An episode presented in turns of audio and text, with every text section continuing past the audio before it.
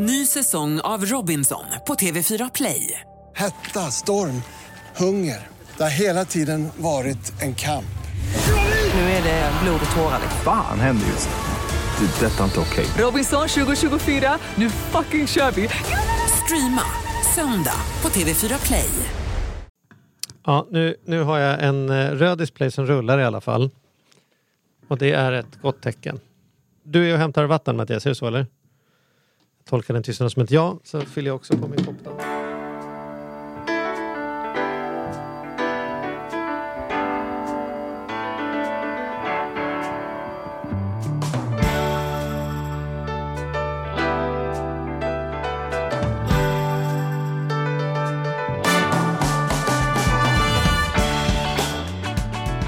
och välkomna till Ekonomi på riktigt med Charlie och Mattias. Veckans avsnitt är här. Ni är räddade och vi är laddade, eller hur Mattias?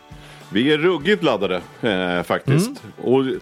Vi- att, det är ju det här att man, man säger ju i dessa tider nu med, corona och allting att man, det, det känns lite så här, man känns nästan lite skamfull att säga att allting är toppen. För det är klart att inte Mm. allting är toppen. Men om man bortser från den då, om man nu säger den sägningen, så, så är det faktiskt toppen. Mm. Mm. Och jag är, jag är grymt pepp eh, på ämnet idag. Hur, hur... Man får ju fokusera på det man kan fokusera på. Vi kan ju fokusera på att leverera en intressant och rolig ekonomipodd i alla fall. Det är liksom vårat jobb. Ja, och ibland så, så, vi tycker det är kul ibland så, vi har ju alltid röda tråden med ekonomi, men ibland så Mm. svävar vi ju lite åt olika håll beroende på vad vi har för gäster och ifall vi pratar Mm. med varandra själva eller sådär. Men idag jädrar blir det fan med ekonomi, alltså ursäkta Mm. jag svor, men idag kommer vi gå hardcore ekonomi. Eh, Och innan vi gör det måste vi säga en eh, liksom, Nej, nu säger jag säger, Nu måste vi ju hälsa våran eh, podd, alltså våran partner, våran sponsor, vårat samarbete välkommet också, så vi inte glömmer det. Säg, säg nu att du tänkte, gör som du, du egentligen tänkte säga shout out. Bara för att jag ska med en referens till det vi gjorde förra gången, men jag vågar inte göra det för jag vet inte vilken ordning de kommer. Därför jag tänkte att jag skulle referera tillbaka. Eh, så gör Vi du ska din... också passa på och eh, säga hej till våran fantastiska eh, sponsor och partner Saveland. Som eh, alltså är ett eh, peer-to-peer-bolag där man kan eh, göra lite det, vi kanske kommer in på det idag, göra det som bankerna gör. Det vill säga på en bank så lånar vi in pengarna och sen lånar de ut dem i sin tur. Skillnaden här är att du kan göra det själv. Det du kan ta en del, inte alltihopa, men du skulle kunna ta en del av ditt sparande och eh, faktiskt använda det för att låna ut till andra mot ränta. Mm. Eh, och eh, vill man med, veta mer hur det fungerar, om man vill gå in och titta på de grejerna, vilket vi har varit inne och tittat på, så kan man göra det på saveland.se. Eh, och framförallt samla på er roliga frågor, eh, tuffa frågor, intressanta frågor som ni har till dem, så kommer vi att framföra dem eh, löpande till dem här och kunna rapportera tillbaka. Vi har fått in en hel del spännande frågor och dessutom tycker jag fått en hel del intressanta svar. Mm, så är det, absolut. Ja. Och vart mejlar man då? Det an, man kan ju mejla vad man vill till oss, alla möjliga hyllningar och eh, påhopp. Vart mejlar man då? Ja, men då mejlar man dem till charlie och mattias at gmail.com och eh, vi Mm. utlovar svar till alla. Mm. Jag ska säga, apropå corona så, så såg jag en tragikomisk sak. Nu vet inte jag när man lyssnar på detta, men vi kan väl säga att det har varit igång det har varit i allas medvetande, kan det vara två månader, i alla fall en och en halv månad eller någonting sånt? Eller vad, vad, vad kan vi säga? Har vi någon sån här start? Vad säger du Mattias? Hur länge har du varit i sommarstugan? Ja, men jag har varit sex veckor. När, när åkte du ner? Sex veckor. Okej, så vi säger sex veckor. Så ser jag igår, lyssna nu på den här. Jag ska inte hänga ut någon, utan jag säger en folkhälsoansvarig på en kommun. Jag ska inte säga vilken kommun. Hade lagt ett inlägg på Facebook och det Facebook-inlägget var en liten film där han berättade följande. Håll i det nu. Han ville berätta att människor i hans kommun som var över 70 eh, var i riskgrupp och att de kunde se fram emot att de skulle få ett brev av honom inom kort. Där, och i det brevet stod det en rekommendation att man skulle följa Folkhälsomyndigheternas eh, rekommendationer. Det är ändå vaket att komma, med- att komma ut med det nu. Berätta för 70-åringar att det kan vara bra att, att, att följa vad- Hur vaknar man efter sju veckor och bara är som så här, tror vi ska berätta för våra medborgare att de kanske ska börja läsa, ja men, ja, mm, Ja, ja, jag, ja du förstår. Ja, jag- En del är snabba på bollen, en del är inte lika snabba. Nej, men eh, ja, det är väl bra att de vaknar till slut då. Eh, så. Ja, Mm. gratt, välkomna säger vi. Och sen så ska vi prata om det vi ska prata om. För vi har ju en spännande gäst, nästan så att man är lite nervös. Du vet, vi har ju, ibland är man jätteavslappnad och ibland är man lite nervös. Och idag är nästan på nervösskalan för det är ju någon som verkligen kan sånt här som du och jag är, håller på med också. Mm. Ja, men Men verkligen. hållit på med, med granskningar och suttit både på insidan och på utsidan och på framsidan och på baksidan. Vi ska prata aktier, fonder, banker, sparande, placeringar. Vill du göra en sån här liten cirkusdirektörpresentation Mattias? Eller? Ja, men då säger jag så här att det är en stor ära för oss att få presentera eh, Småspararguidens grundare. Vi pratar om eh, gänget eller paret som också har granskat Allra-affären. Eh, och vi pratar också om paret som har skrivit boken Mer pengar för pengarna. Så här snackar vi verkligen ekonomi och därmed välkomnar jag varmt Andreas Runnemo.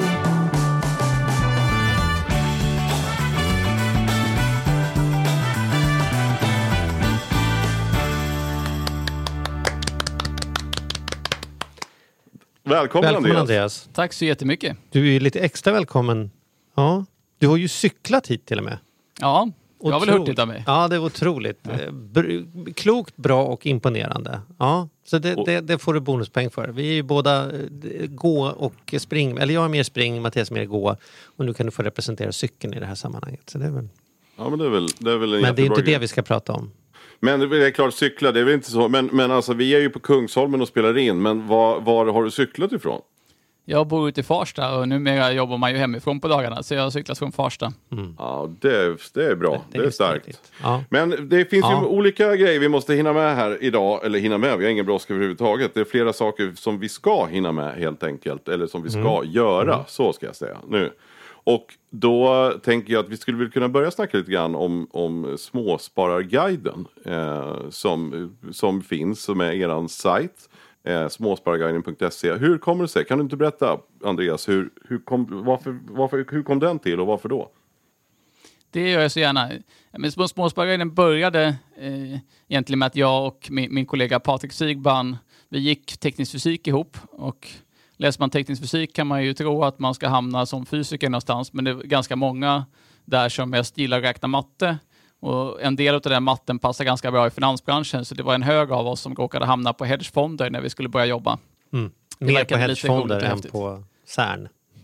Ja, Hade några du- hamnade på CERN, men, men, men vi som var lite mindre smarta hamnade på hedgefonder. Okej. Men, men, men hade du tänkt på det när du, alltså, när du började på KTH? Liksom, att jag ska nog jobba på hedgefonder när jag är klar. Nej, det hade jag egentligen aldrig tänkt. Det var, det var väl egentligen inte meningen, men det råkade bli så ett tag. Ja, men Och det är ju, vad är, ja, för, för det, det gemene man då, vad är en hedgefond? Liksom? Kan vi ta någon sån här... En hedgefond är väl egentligen en samlingsbeteckning på fonder som gör ännu konstigare saker än andra fonder. de, de, de flesta fonder eh, gör ju så att de investerar i aktier. Är det, är det passiva indexfonder så följer de bara ett index. Eh, är det aktiv förvaltning då försöker man sp- spana ut, kommer H&M eller Ericsson gå bäst och så har man lite högre vikt på den ena än på den andra jämfört med index.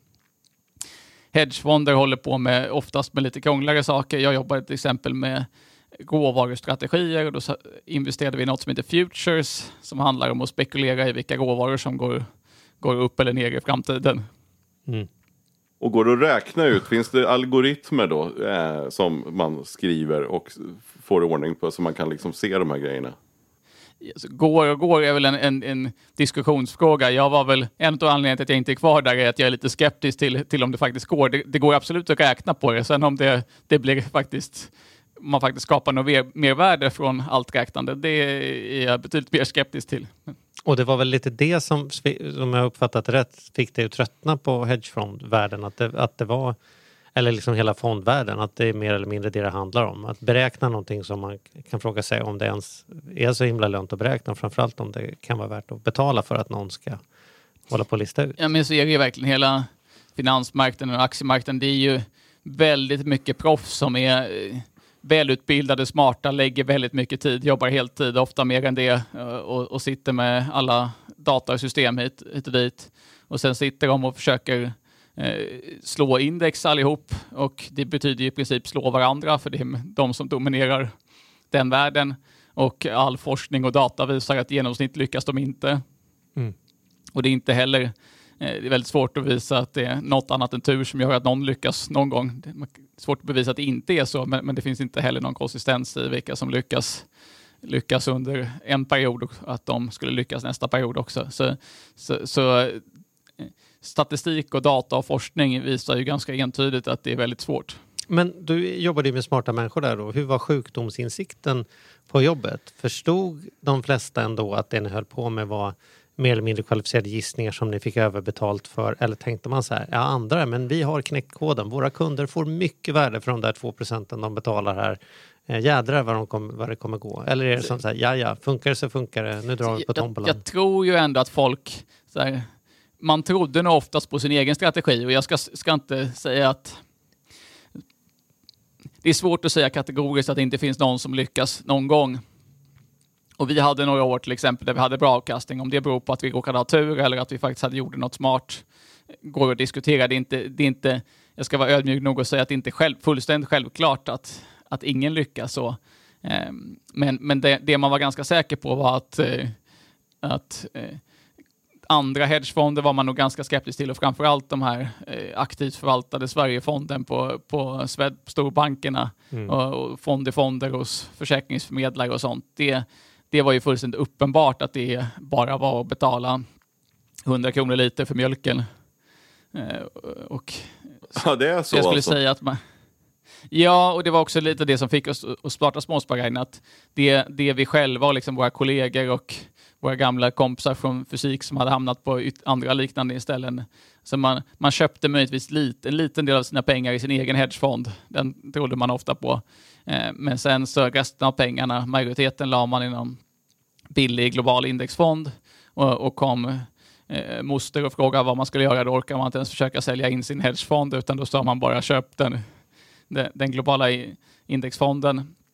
Och det här var på något sätt väldigt okontroversiellt ändå. Jag, jag kommer... I eran krets så att säga? Ja, men bland det... proffsen var det inget konstigt? Även bland folk som höll på med det så visste man ju mm. på något sätt, och det är även sen vi startade Småsparguiden så vi trodde att vi skulle få mycket mer mothugg, men vi behöver egentligen aldrig, aldrig förklara varför det är så här, för alla eh, de som kan någonting i alla fall, de eh, pratar man officiellt så, så går de inte i dialog. Det är, eh, jag tror att de flesta har gjort analysen att mm, säljer, är man säljare i den här typen av fonder så tjänar man inte upp, på att diskutera det med någon som oss.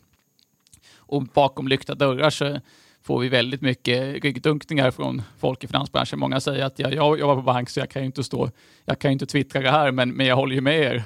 Och så säger mm. man även de som vi tyck, tänker borde tycka något annat säger ja okej, kan, ni kanske drar det lite väl långt och just min fond är bra, men på det stora hela har ni ju rätt. Mm. Så förvånansvärt lite mothugg. Men ja, upplever du någon, någon självsanering i branschen? Går, märker man att, att när, när, de, när de säger bakom lyckta dörrar att, att ni förstås har rätt och, och, märker man att det här är det ett övergående problem? Kommer vi ens kunna ha det här samtalet om två år eller kommer branschen då ha slutat ja. att sälja mjölk för 100 kronor litern? Liksom? Det skulle förvåna mig väldigt. Det, så länge det, vi har en värld där just eftersom sparande, vanligt sparande till viss del och ännu mer pensionssparande är ju det är väldigt mycket pengar eh, samtidigt som folks kunskapsnivå är, är väldigt låg. Dels för att det är lite svårt och krångligt och då vill folk och, och då vill, orkar folk inte och, och, sen så gör ju branschen det tio gånger mer krångligt än det behöver vara också. Och det är klart att så, så länge de förutsättningarna finns så, så är det ju väldigt lukrativt och man kan ju tjäna sjukt mycket pengar på att sälja dyra fonder. Så nej, om, om vi inte får till någon väldigt potent lagstiftning så har jag svårt att se att att, eh, att det kommer att bli, Eh, bli någon, eh, någon jätteförändring. Jag tycker det har gått lite åt rätt håll och, och, och, det pratas en del och så vidare och det är en del som har koll men, men eh, att problemet helt skulle gå över det, det, nej, det verkar ytterst osannolikt. Ja, och, och, och er paroll när man tittar på er hemsida så är det så här, din, din personliga bankman är en säljare. Och det där har ju vi tjatat om, Charlie och jag, i 15 års tid snart eh, samma sak. Men, men eh, hur, liksom, hur, hur tänker ni där? Ja, men det, det, finns ju det vi tycker är riktig rådgivning, det vill säga att man, man betalar för att få råd, att det är rådgivningen man köper och inte fonderna. Det finns, det, det, finns absolut, men det är en väldigt, väldigt liten del av alla som kallar sig rådgivare på olika sätt. De allra flesta som kallar sig rådgivare hos Eh, diverse pensionsförmedlare, storbanker och så vidare. Det är ju bara säljare. Mm. Sen finns det ett, något, något dokument från rådgivningstillstånd från Finansinspektionen, men det, men det hindrar in, inte på något sätt att man säljer. Utan det, man, man säljer fonder helt enkelt. Men hur är medvetenheten om detta? För att jag tänker om jag går in i en bilhall och så säger jag så här till BMW-handlaren, säger så här, du BMW, kan det vara något för mig? kan man förstås säga, det är klart det kan vara. Tycker du jag ska ha en ny dyr eller en gammal, eh, ska jag köpa den på Blocket? Nej, du ska köpa den av mig, det får du bra värde. Alltså så här, då tror jag ändå ingen som går ut därifrån och säger så här, jag fick lite bilrådgivning och, och, nu är det tydligen BMW som gäller. Utan då kommer jag ju tänka så här, nu har jag blivit såld och antingen blev jag nöjd med den affären eller inte nöjd. Eh, men med bank är det lite annorlunda att det ändå finns en ganska hög trovärdighet än så länge. Att folket liksom går till sin bank och får svar och får de svaren som förstås är att de ska köpa den bankens egna produkter och ändå, ändå gör det. Liksom. Och... Ja, men det, där, det där är ju märkligt. Det, dels kan man väl säga att eh, om man tar bilhandelsjämförelsen så är det också som att du går in där och du har ingen aning om om en BMW ska kosta en halv miljon, en miljon eller tio miljoner och du har inte lyckats ta, du har inte tagit reda på det innan utan du går, eh, du går in och var så här, ja ja, säger, säger säljaren 10 miljoner då är det väl det. Och du gör inga jämförelser eller försöker förstå varför, hur mycket mer värde du får av 10 miljoner jämfört med en halv miljon. Eh, men, men, sen ska man väl säga att jag, jag, tror att medvetenheten finns en del. Så många av dem vi pratar med, är så här, de, de vet någonstans att, att bankernas rådgivare är säljare och de men problemet är att de, de har inte riktigt några bra alternativ. Ändra så, så hittar de inga oberoende rådgivare för de som finns. Vi håller ju på med det lite grann själva och det finns eh, finns andra, men det, det, är väldigt få. Och sen kostar det ju, ska du betala en, en, en välutbildad människa eh, för att sitta och prata en timme så kostar det ju. Så det kostar mm. ju åtminstone ett par tusen om, om du ska ha någon timmes rådgivning. Och det känns ju som mycket pengar för många. Sen Just är det ju små, små potatis ofta mot vad man, man förlorar på, på några års sikt att betala och en halv procent i fondavgifter. Men, men det tar emot lite och så tycker man att ja, man får något gratis. Och, och alternativet då läsa på själva, det orkar folk inte och det blir ju oftast inte så himla bra det heller om man inte har en gedigen kompetens från början. Så då på något sätt man går och pratar med de där rådgivarna och man vet att det inte, kanske inte är helt rätt, men det är det bästa alternativ man har. Och man ja, förstår att man och... kanske har blivit lite lurad, man förstår inte vad man skulle göra istället och då, då får, får det bli så. Så du Andreas menar alltså att om, om man går till bankmannen, eh, de säljer sina produkter så får man också betala de här pengarna, alltså avgifter på de här Eh, vanliga fonderna, Sverigefonder eller vad de nu heter, att där ligger en massa avgifter som man absolut inte skulle behöva. Är det så du menar? Ja, absolut. Alltså, fonder är ju in, lite kontraintuitivt, men, men jag menar att det egentligen är väldigt, borde vara en väldigt standardiserad produkt som el eller mobilabonnemang eller bensin eller något. För det, utrymmet för personliga preferenser är egentligen otroligt lite. Det, det man man vill ha är att nästan alla tycker att det är bättre med mer pengar än mindre pengar. Och så finns det en liten mm. risknivå, men, det, men, men framförallt så handlar det om ja, vilken, vilken fond är bäst. Och så finns det gedigen forskning som visar att, att, att försöka hitta en fondförvaltare som är smartare än en annan, det, det går typ inte. I alla fall eh, finns det väldigt lite som talar för att det går. Och då handlar det helt enkelt om att säga, ja men jag vill, vill jag ha en en global aktiefond för att få bra riskspridning, ja, men då väljer man den billigaste. Och då borde mm. det vara en väldigt prispressad marknad. Eh, men det är det ju inte, utan det finns ju avgiftsnivåerna skiljer sig mellan 0,10 procent upp till 2 procent.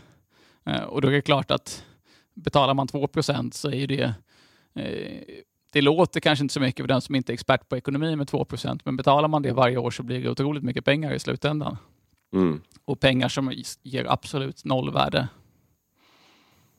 Och i andra änden av den cirkusen så har vi också då, då det, ni, det ni kallar när man läser er bok för för inte, för, vad var det, aktiespelande va? Aktiespelare brukar ja, vi ja. ibland lite raljerande säga. Och det, det, är väl egentligen, det är inte de vi vill slå ner på mest. Jag tycker att det är en, det är en betydligt, minst lika bra, kanske bättre, även ekonomiskt sett, hobby att spela på aktier än att spela på hästar eller eh, vad man nu kan, kan ägna sig åt. Men, men att att på riktigt tro att man klarar av att skapa bättre eh, eh, riskjusterad avkastning genom att själv sitta och läsa på och försöka gissa om H&M går bättre än, än Ericsson eller tvärtom. Det är ju eh, det finns ju massvis, men större delen av finansmarknaden består ju av proffs som sitter och, och gör det här. Och sen visar ju forskningen att de i genomsnitt inte lyckas heller, men att man då som privatperson ska kunna läsa Dagens Industri vid frukostbordet och och, och lyckas bättre än, än, än proffsen. Det är ju ja,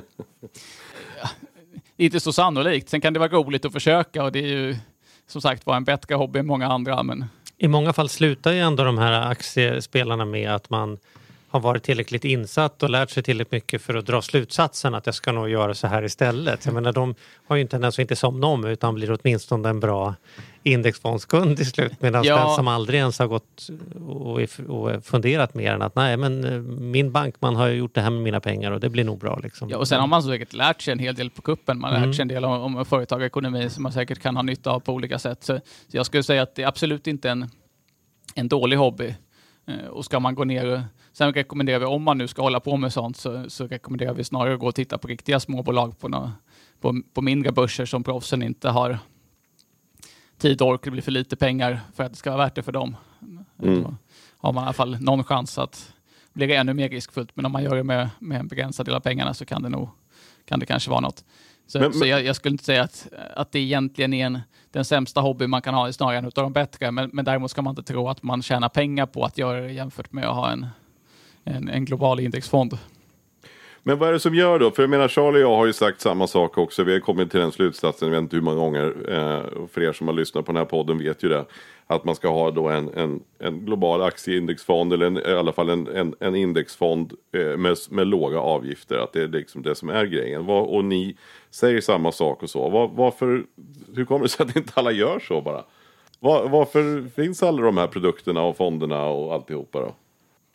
Vi brukar väl prata ibland om att det finns två, lite förenklat som alltid, men, men två grupper av människor. Det, den allra största gruppen är totalt o, oengagerade och tycker sånt här är tråkigt, svårt och jobbigt. Eh, delvis för att det faktiskt är lite krångligt, men framför allt för att branschen gör det krångligt och, och man har den bilden. Och de gör ju det de gör för att de inte, i, i, inte vet bättre och den de får hjälp av får betalt för att sälja dyra fonder till dem. Sen har vi väl den, den andra gruppen som är mindre som faktiskt är engagerade i det här och då är det ju helt enkelt en ganska, det är ganska tråkigt slutsats att man kan läsa på en massa och det blir inte ett dugg bättre än om man, om man inte gör det och bara köper den, den billigaste indexfonden. Det låter också någonting som är så komplicerat som aktiemarknaden ändå är och så kokar man ner det till att i slutändan, ja du ska köpa den billigaste fonden, inget, inte titta på något annat. Det, det är lite kontraintuitivt på något sätt.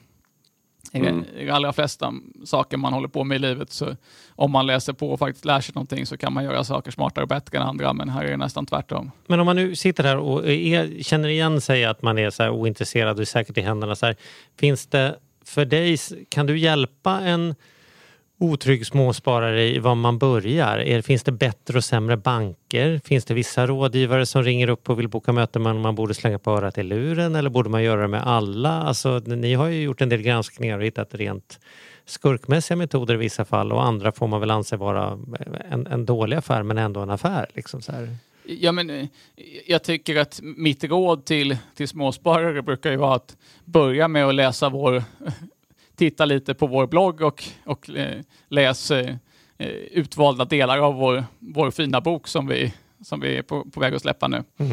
Eh, man får ut ganska mycket där. För, för det som är på något sätt, som jag var lite inne på också, att saker och ting är på ett sätt jättekomplicerat och på ett sätt blir det ganska enkelt om man bara vet vem man ska lita på. Där är ju lite svårigheter, men, men vi får väl hoppas att när vi nu sitter här att folk litar på er och på, på oss. Så gör man bara det, om man kommit förbi det än så är det ju ganska enkelt.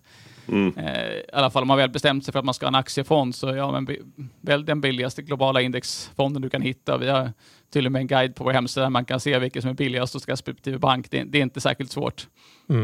Och eran Det bok, svåra är ju- och, ja, precis. Och, och eran bok då, jag vill bara förtydliga det för lyssnaren också då. Att boken heter Mer pengar för pengarna.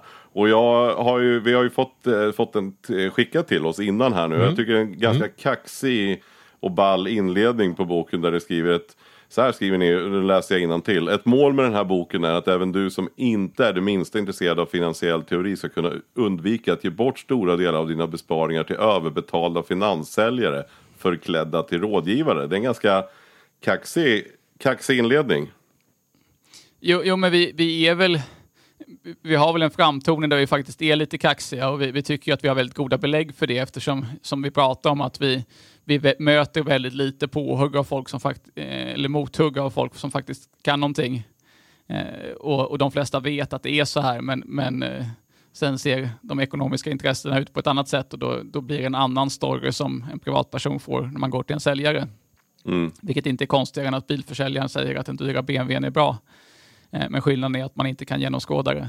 Så, Just så det. ja, men, och sen är väl det en strategi vi har haft också, att vi har kommit in och försökt eh, Framförallt i början för att få lite uppmärksamhet och, och, och bild, bilda oss någonting så vi försökte vara lite roligare och lite, lite mindre torra än finansbranschen i allmänhet. Och sen är det en avvägning att vi samtidigt vill, vill vara seriösa, för det tycker vi att vi är, men, men, men inte heller göra det onödigt torrt och tråkigt.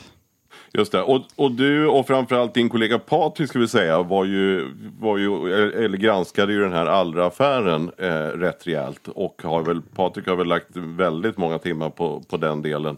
Eh, om du ska berätta kort om, om Allra-affären. Jag tror att de allra, nu vart jag, det var inte meningen att Eh, det var verkligen inte meningen att vara vitsig. Men då menar jag verkligen att de, eh, gemene man har ju hört talas om denna Allra-affär. Men om du på, bara på någon minut ska liksom sammanfatta. Vad, vad är det som har hänt? Och vad var det, vad var det Patrik granskade egentligen?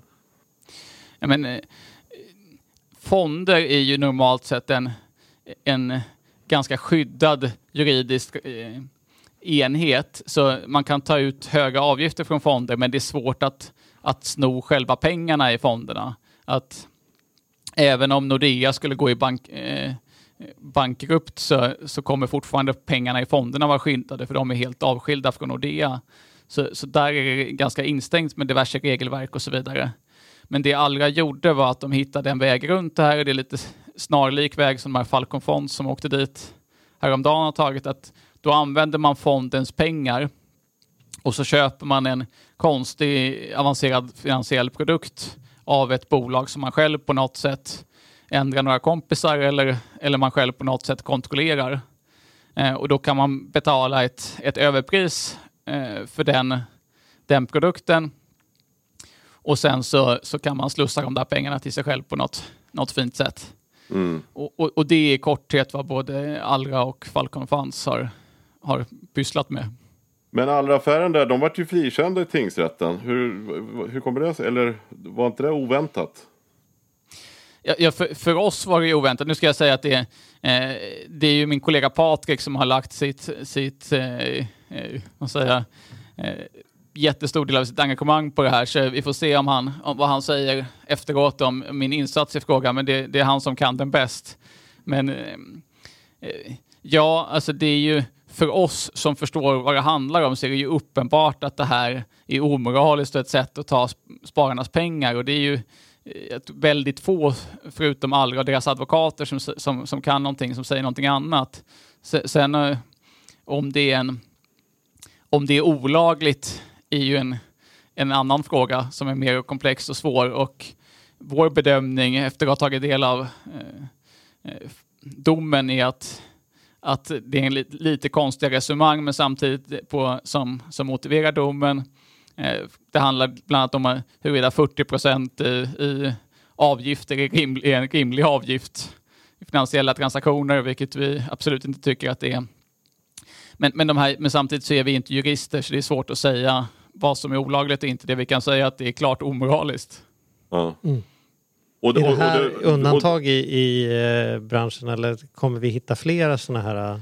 eh, Jag kommer inte hitta dem, men Jag, jag, jag tror att just den, den här grejen upplever vi ändå håller på att, att eh, eh, städas upp. Alltså det, det är fortfarande ett jätteproblem bara med höga avgifter och det kostar ju spararna totalt sett så kostar ju storbankernas eh, onödigt dyra fond i fonder spararna mycket mer pengar än vad det kostat allra. Men de här rent som, eh, Eh, där man faktiskt tar pengar på något, något fulsätt.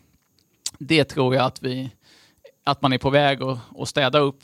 Från, en del, hel del har ju varit via PPM-systemet eh, där man nu har ställt hårda krav på, på en massa sätt. Och sen om, om det är helt rätt väg att gå på alla sätt, men jag tror att man lyckas städa upp en del av de här grejerna. Vi brukar göra en årlig lista över premiepensionens värsta fonder.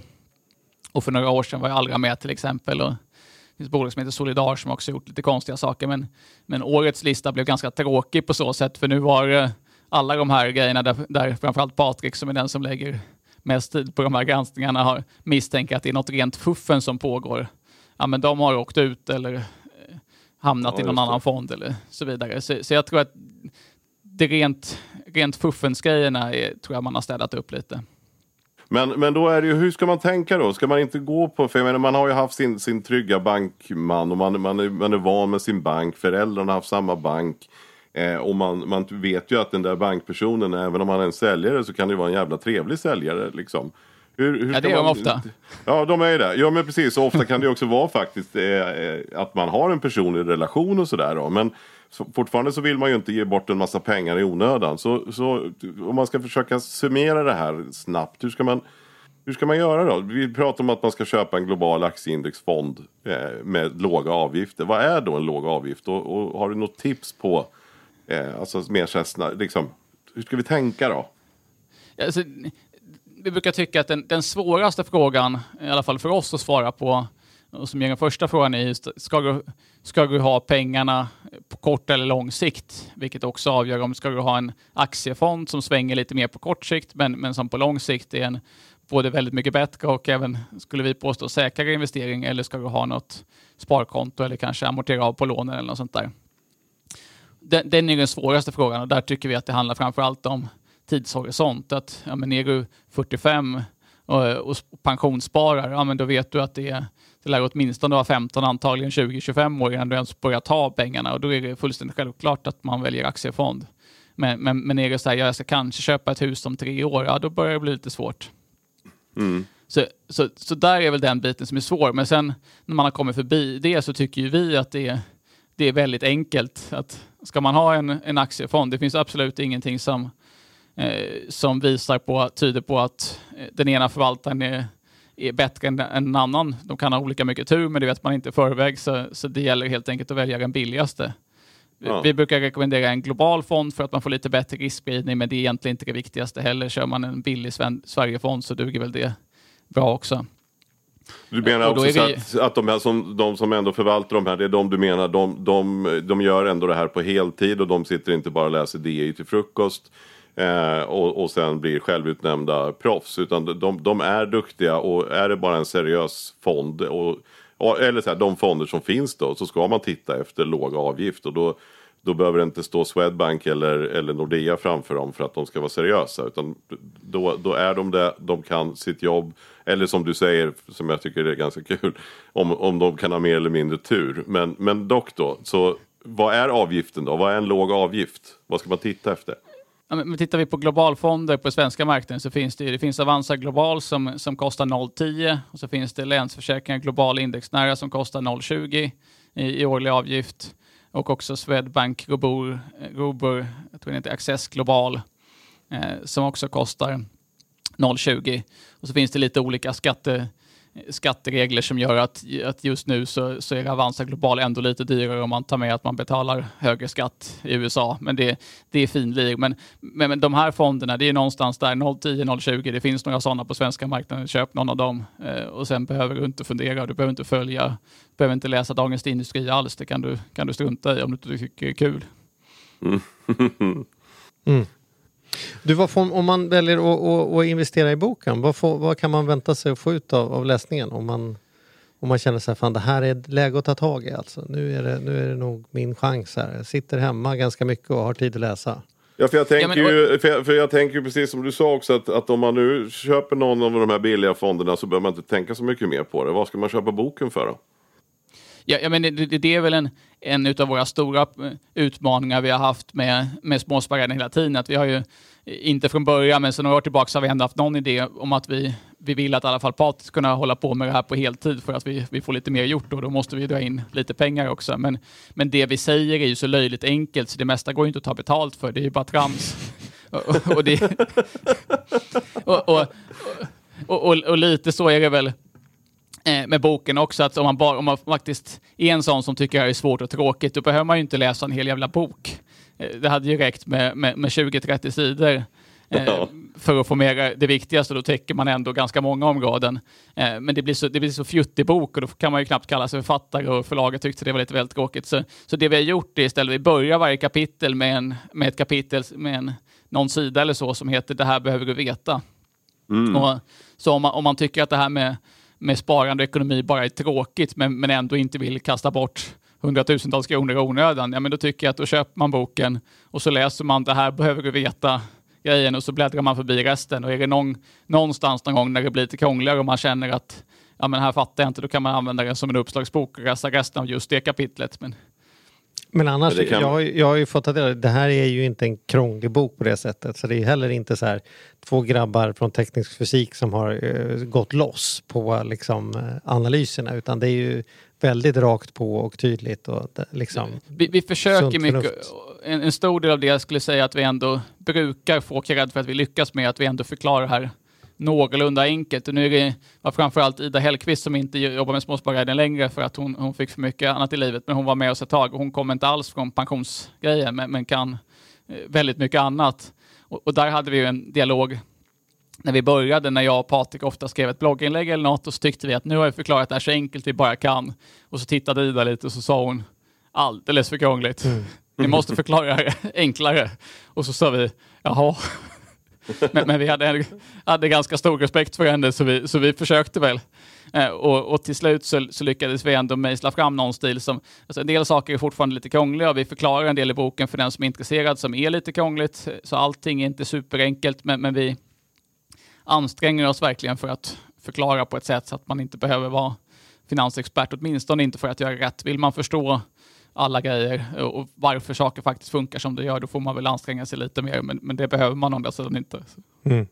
Nej men, men när man ska vara ärlig så känns det som att du både är, du är, ni är lite kaxiga och det är coolt men du är också väldigt ödmjuk för att jag har ju, jag har ju läst boken och den är den är ju, ja, det är ju väldigt intressant. Nu tycker jag att, det- att det är, liksom, ekonomi är kul men det är ju som du säger också, man vill fördjupa sig lite för det kan ju också vara kul att veta hur saker och ting liksom eh, förhåller sig till varandra. Och det får man ju verkligen veta. Och jag måste säga att Ida har ju då gjort ett jävligt bra jobb för att den är faktiskt väldigt lättbegriplig. Eh, eh, så. Och jag har ingen provision på den här boken så det är inte därför jag säger det. det får man säga i poddvärlden, måste man framhålla. Och vi får inte betalt för att säga detta. Nej, och vi får inte betalt för att säga det här. Men faktum är att den är, ja, jag tycker den är riktigt bra. Charlie och jag har ju själva skrivit en bok för ett antal år sedan. Och eh, det, ja, det, det är inte lätt att få ekonomi att vara så begripbart. Men jag tycker de här exemplen som ni har. Eh, Lisa och partner startar bageri till exempel. Och, och de här grejerna. Att det, det blir tydligt. Det är ju faktiskt riktigt bra. Kul att höra, tack så mycket. Du, avslutningsvis, eh, nu är vi ju i, om man ändå är eh, lite åt aktiespelare ska vi väl inte säga, men om man sitter nu i småsparare och eh, tittar på vad som har pågått. Det har varit svarta rubriker om, om hemskheter på, på börsen och det som har pågått. Och många sitter och ser att det har gått ner och gått ner och gått ner. Kanske klivit ur för att rädda det som räddas kan. Vad, vad, vad spår du om framtiden? Är det, borde man Borde man skärpa sig och fortsätta med sitt månadssparande på, på eh, aktieindexen eller borde man eh, öka den rent av eller borde man ta det lugnt ett par månader? Om du skulle... Så vi, vi brukar ju alltid säga att hur, huruvida du ska ha pengar i aktier eller inte har inget som helst att göra med hur aktiemarknaden ser ut just nu eller vad, vad, vad, man försöker, vad diverse finansanalytiker försöker spå att ska hända de närmsta tre åren, utan det eh, börsen reflekterar redan värdet av vad, vad de samlade expertisen tror om vad, vad bolagen är värda och så är det alltid. Så det ditt eget sparande, det du ska fundera på är sparhorisont. Och det är lätt att säga men svårare att göra. Det är ju många jag också hört historier om folk i min närhet som sådär, ja, fick lite panik när börsen var ner 29 procent eller vad det var som värst. Och då sålde de av då. Och det blev ju inte så bra. Det hade det kunnat bli, det, men, eh, men, det är vikt, men jag, vi rekommenderar ju verkligen att aktie, aktier och aktiefonder, det är långsiktigt sparande. Och man ska inte plocka ut det för att man tror att börsen ska gå upp eller ner. Och man ska inte heller stoppa in mycket mer pengar för att man tror att det är köpläge, utan det är det är som det är, det vill säga i genomsnitt på lång sikt så går det upp. På kort sikt kan det gå både upp och ner ganska mycket. Eh, och det är så man ska se, se på det. Vi brukar rekommendera det vi kallar strutstaktiken. Eh, väldigt dålig strategi i nästan alla sammanhang, men just när det gäller, eh, gäller de här frågorna så är den faktiskt ganska bra. Det vill säga att om man vet att börsen har gått ner lite, då, då går man inte in och kollar på, på sitt bankkonto vad ens fonder är värda, för då blir man bara ledsen. Utan då låter man det vara och tänker på andra saker. Sen när man läser att börsen går upp, då kan man gå in och kolla lite igen, för då är det roligare. Men, men i, i inget av fallen så, så agerar man på det, så att säga. Bra. Ja, Så ja, det är bra. ja, mm, mm. Tydligt. Ja, mycket tydligt. Det kan vi väl skriva under på ändå. Även om vi normalt sett inte brukar gilla strutstekniken så, så får man väl säga att i det här fallet så håller vi med. Eller hur Charlie?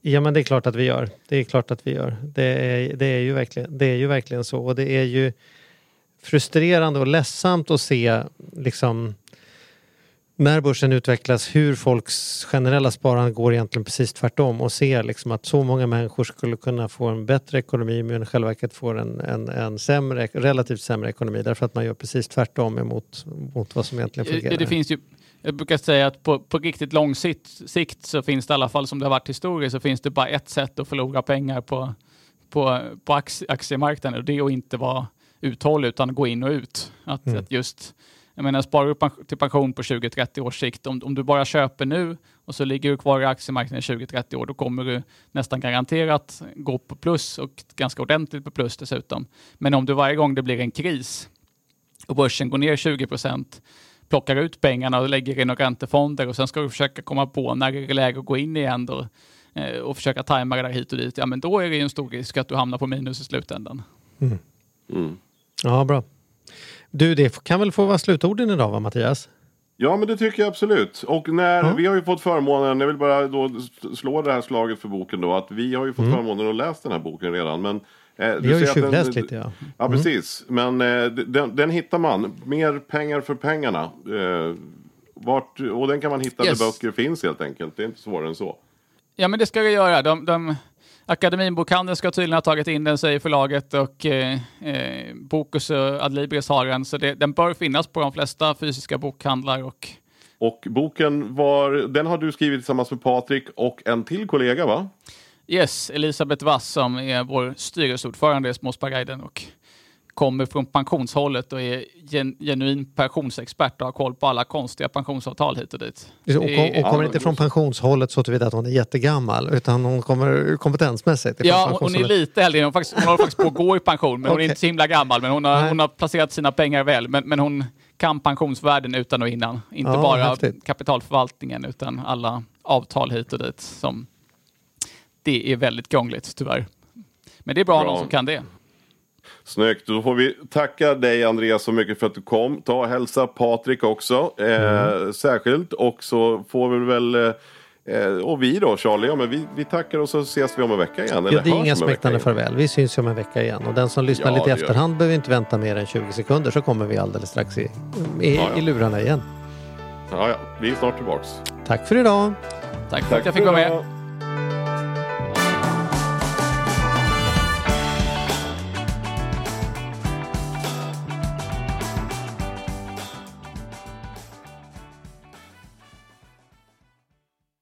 Ny säsong av Robinson på TV4 Play. Hetta, storm, hunger. Det har hela tiden varit en kamp. Nu är det blod och tårar. Fan händer just det. det detta är inte okej. Okay. Robinson 2024, nu fucking kör vi. Streama söndag på TV4 Play.